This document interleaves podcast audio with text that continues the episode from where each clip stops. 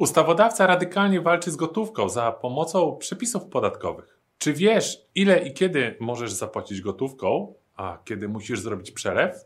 Czy wiesz, jakie konsekwencje ci grożą? Czy wycofanie się przez ustawodawcę z prowadzenia kolejnych restrykcji od 1 stycznia 2024 roku zakończy podatkową walkę z gotówką? Koniecznie obejrzyj ten film. Jeśli jesteś tu po raz pierwszy, zasubskrybuj kanał Mistrza Podatków.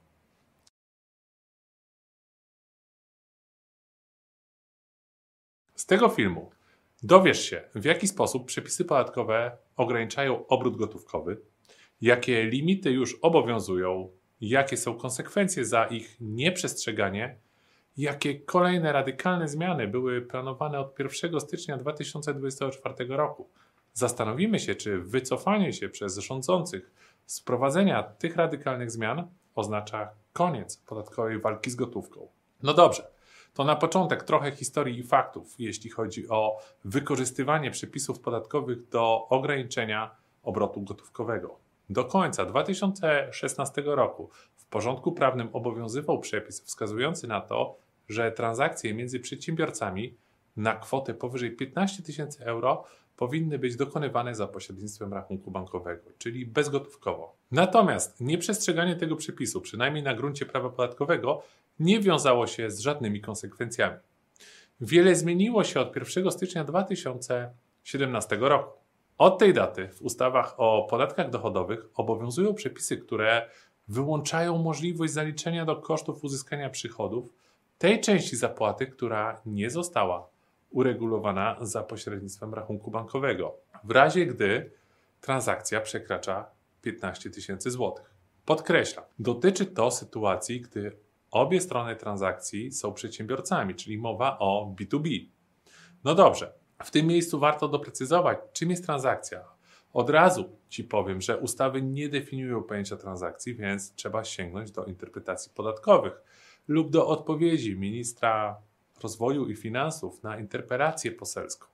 Z tych pism można wyczytać, że przez transakcję należy rozumieć taką czynność prawną, umowę, w wykonaniu której dokonywana jest co najmniej jedna płatność. Innymi słowy, jeśli płatności czy faktur jest więcej niż jedna, przez transakcję nie powinniśmy rozumieć kwoty jednej płatności czy kwoty jednej faktury, a sumę kwot wynikających z tych płatności czy faktur w związku z daną umową.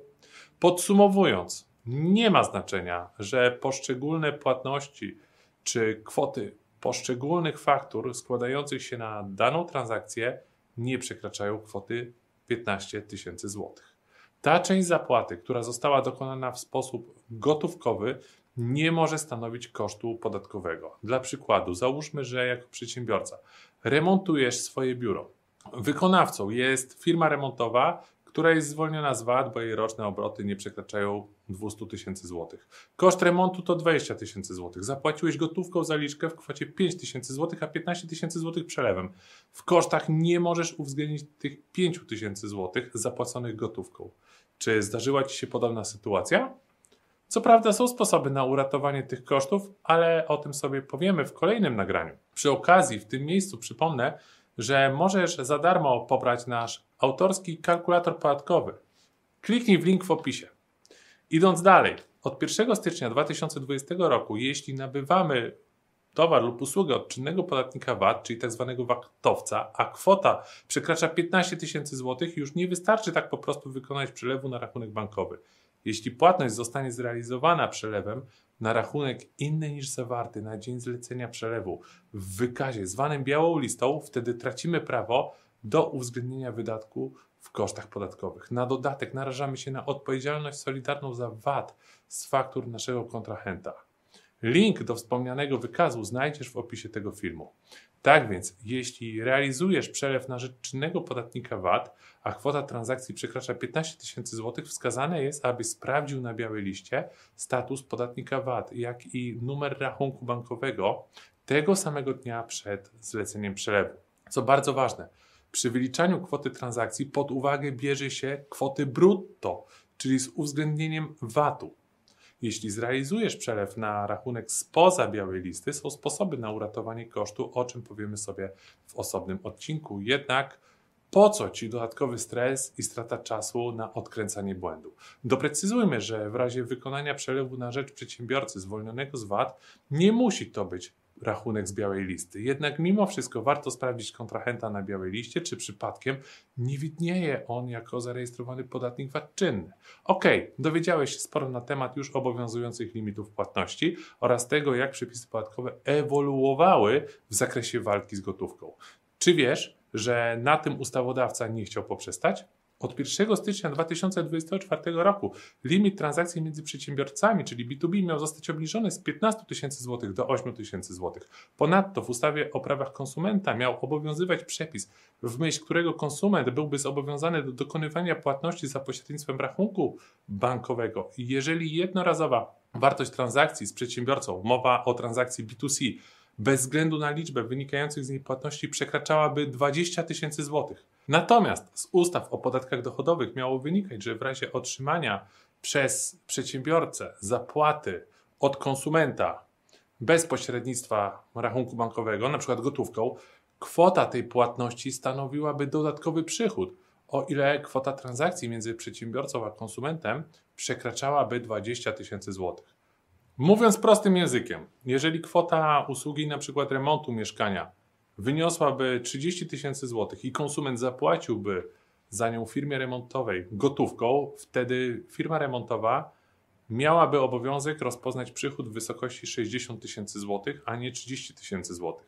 Co ciekawe, te dwie zmiany, czyli obniżenie limitu dla transakcji B2B z 15 tysięcy złotych do 8 tysięcy złotych, oraz wprowadzenie limitu 20 tysięcy złotych dla transakcji B2C pierwotnie miały wejść w życie wraz z Polskim Ładem, czyli od 2022 roku. Następnie ich obowiązywanie zostało przesunięte na 2023 rok i następnie na 2024, aż w końcu te przepisy zostały uchylone i póki co nie wejdą w życie. I w tym miejscu spróbujmy sobie odpowiedzieć na pytanie, czy to koniec walki z gotówką za pomocą przepisów podatkowych, powiedzmy sobie szczerze, że pomimo zachowania kwoty, limitu dla transakcji B2B, to i tak za sprawą inflacji jest on de facto regularnie obniżany. Przecież 15 tysięcy złotych z dzisiaj jest realnie warte dużo mniej niż 15 tysięcy złotych z 2017 roku. No dobrze, ale limit dla transakcji między przedsiębiorcą a konsumentem nie zostaje wprowadzony. Czy Twoim zdaniem ustawodawca za kilka lat do tego pomysłu nie wróci? A może Cyfrowe waluty banków centralnych doprowadzą do eliminacji gotówki i ustawodawca nie będzie już miał potrzeby zmian przepisów podatkowych w tym zakresie? A może uważasz, że gotówka przetrwa i będzie można nią swobodnie operować w transakcjach między przedsiębiorcą a konsumentem? Napisz proszę w komentarzu, który scenariusz jest dla Ciebie najbardziej prawdopodobny.